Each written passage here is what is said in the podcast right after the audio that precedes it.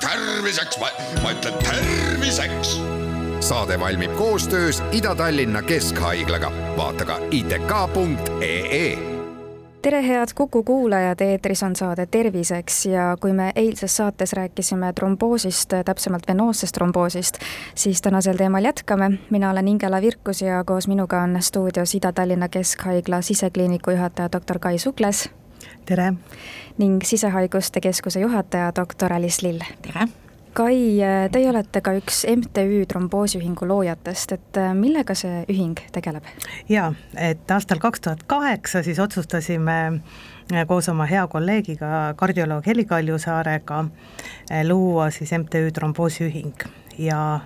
meie tegevuse eesmärgiks on just eeskätt arstkonna teavitamine ja, ja tromboosialase info jagamine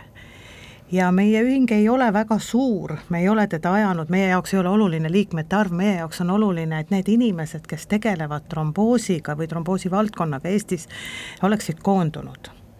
Ja tegelikult läheb meil täitsa hästi, et ma tooksin võib-olla välja selle, et, et kaks korda aastal kaks tuhat kaheksateist ja nüüd siis sel suvel oli meil siis nii-öelda Eesti tromboosiarstide ümarlaud, viimast vedas siis Alice Lill väga hästi, et kus me tegelikult proovime ühtlustada nende tromboosipatsientide kogu seda käsitlust ja ravi Eestis, et eesmärk on ju siis see, et kõik Eesti inimesed, vahet pole, kas nad on Tallinnas, Tartus või Põlvas, eh, saaksid diagnoositud ühtede kriteeriumite järgi ja saaksid nii-öelda käsitletud ühtede kriteeriumite järgi. ja, ja mis me siis teeme? eks, et meie tegevus on siis, nagu ma ütlesin eelnevalt, arstkonnale suunatud Eh, just paar päeva tagasi, üheteistkümnendal oktoobril toimus meil siis kümnes tromboosikonverents, eh, mis on siis nii perearstidele kui eriarstidele. Ja lisaks oleme me siis teinud tegelikult materjale, nii-öelda kirjalikku materjale, näiteks ravimite annustamise kohta, protseduuride tromboosi ja veritsusriski kohta, mis on siis arstkonnale, aga siia saab lisada ka tegelikult nii-öelda patsiendimaterjalid, et see on meie töö aastal kaks tuhat kaheksa te tromboosiühingu lõite mm.. kuidas selle ajaga see teadlikkus on arstide hulgas siis tõusnud? noh, eks ta ikka on tõusnud, me ju ei taha öelda, et me pole nagu üldse mingit tööd teinud, aga aga vahel võtab ikkagi natukene kukalt sügama, et me justkui kogu aeg teeme, teeme, teeme, kolleegid on kaasatud, me käime tegemas loenguid, aga teinekord tuleb ikka sellist väikest tagasilangust, et mis on täna võib-olla seal valdkonnas need äh, probleemkohad, aga mis on äh, väga hästi? tromboosi näiteks äh, diagnostikas või ravis või? Võib-olla probleemkohast hakkakski seda, et me tegelikult ei ole võib-olla ikkagi jõudnud nii palju patsientidele, meil lihtsalt ei ole füüsilist võimekust seda teha, et täpselt sedasama, et patsiendid oleks teadlikud. ühelt poolt siis näiteks, mis puudutab arteriaalset tromboosi, sellest kodade virvendusarütmiast, eks, et nii nagu Alice siin rääkis, et virvendusarütmia ja, ja, ja seal on siis insuldi oht, et et, et seda insuldiohtu ära hoida, äh, manust- või on patsientidele or-, korraldatud nii-öelda verd vedeldav ravi. ja me peame tegelikult äh, tegema nii, et iga patsient saaks aru, et milleks seda verd vedeldavat ravi on vaja, et et võib-olla on raske neid motiveerida, kui sulle öeldakse, et sul on süda rütmist väljas, sa pead ravimit võtma selleks, et sa insulti ei saaks. eks, et see on ennetav tegevus. et noh, mul ju veel ei ole midagi, et miks ma pean võtma. et veenitromboosi haigetega on see, see nii-öelda nende motiveerimine kergem, selleks nendel on reaalselt olemas haigus ja neil on olemas kaebused, millest ta tahab lahti saada et see on võib-olla raske ja me peaksime rohkem tegema tööd patsientidega, aga mis on hästi, äh, hästi on see, et kui need patsiendid, kes näiteks virendusarütmi patsiendid satuvad arsti juurde, kas on perearst, on sisearst, endokrinoloog, kardioloog, siis enamusel ma arvan, ikkagi alustatakse seda antikoagulanti ehk verd vedeldavat ravi. Ja kui me venoosse tromboosi pealt vaatame, siis minu arust üha enam ja enam eh, perearstid suunavad oma patsiente kiiresti ultrahelile, kui neil on veenitromboosi kahtlus EMO-sse. et ei oodata seda nädalat, no mis siin alguses oli, et et võib-olla oodati nädal, kaks, kolm, eh, millal saab siis tromboosi arsti juurde vastuvõtule, et vaat, vaat sellist viga ei tehta, et, et tegelikult ei no paranemist on, oled sa nõus minuga? jaa, ma olen absoluutselt ja. nõus ja mul on natukene isegi tunne, et need tromboosikabinetid, mis meil haiglates tegelikult on, hakkavad oma tähtsust natuke minetama mm -hmm. selles mõttes, et sinna võiksidki jääda võib-olla niisugused äh, rasked ja keerulised juhtumid, et tänapäeval perearstidel on uuringud kõik nii kättesaadavad, kättesaadavad ja nad saavad oma patsientide käsitlusega ise väga hästi hakkama ja ja tegelikult, mis meil ikkagi jälle ma rõhutan, on suurepärane, on see e-konsultatsiooni võimalus, et et ka patsiendid ise saavad oma perearstidele öelda, et, et et, et võib-olla me teeksime ühe e-konsultatsiooni, et see on, see on niivõrd mugav, et patsient ei pea tulema kuskile ukse taha ja väga palju saab tegelikult meie eh, digiloo ja kõikide nende andmete põhjal, et, et me suudame vastata väga paljudele küsimustele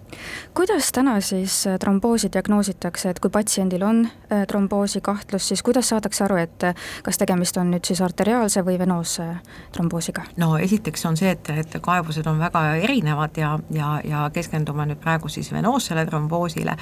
et nagu siin eelmises saates juba juttu oli, et me vajame kindlasti ühte uuringut, me kutsume neid kuvauuringuteks,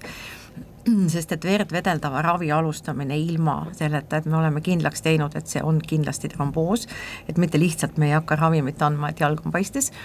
on väga oluline ja, ja ultraheli Doppler leiab meie trombid seal jalas üles inimestel ja kopsuarteri eh, trombemboolia diagnostikaks on siis maailma kuldstandard, on kompuuterangiograafia, mis võimekus on tegelikult ju kõikide haiglate EMO-des olemas ja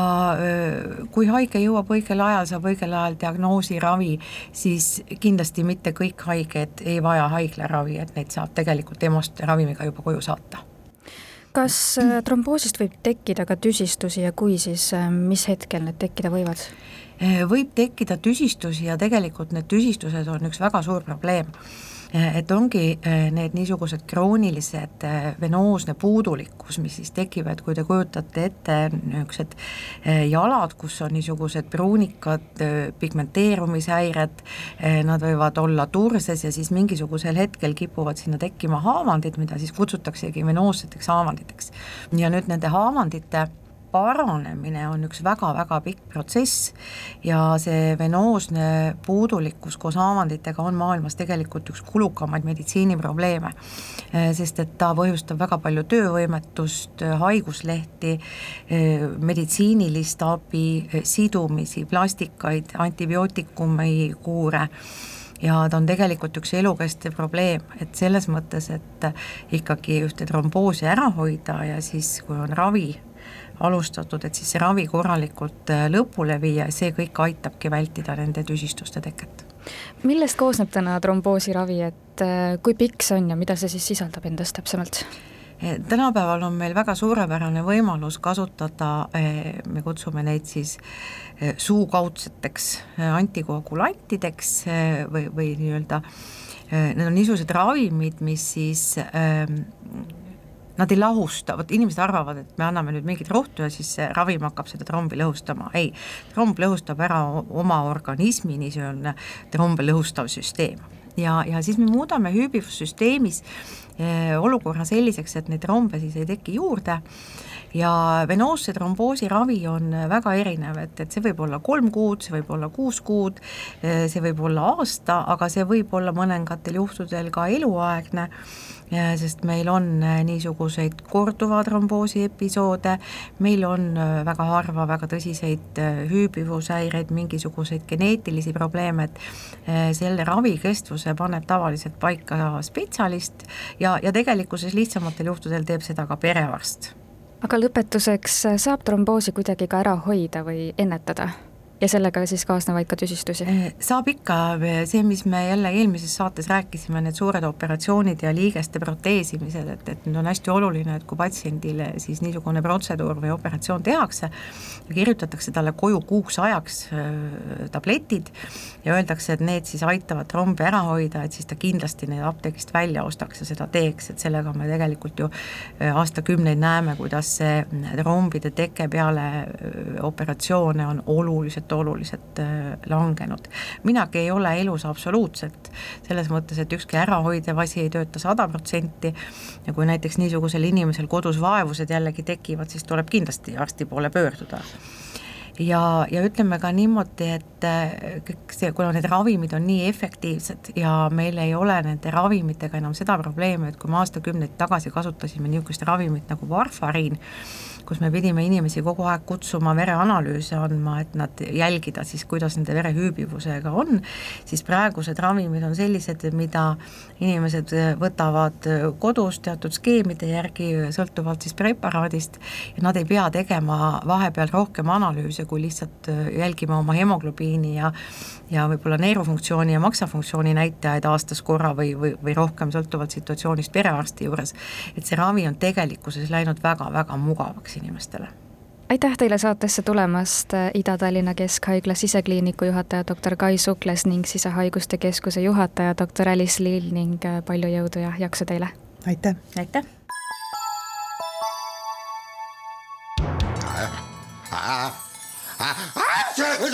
terviseks, ma, ma ütlen terviseks. saade valmib koostöös Ida-Tallinna Keskhaiglaga, vaata ka itk.ee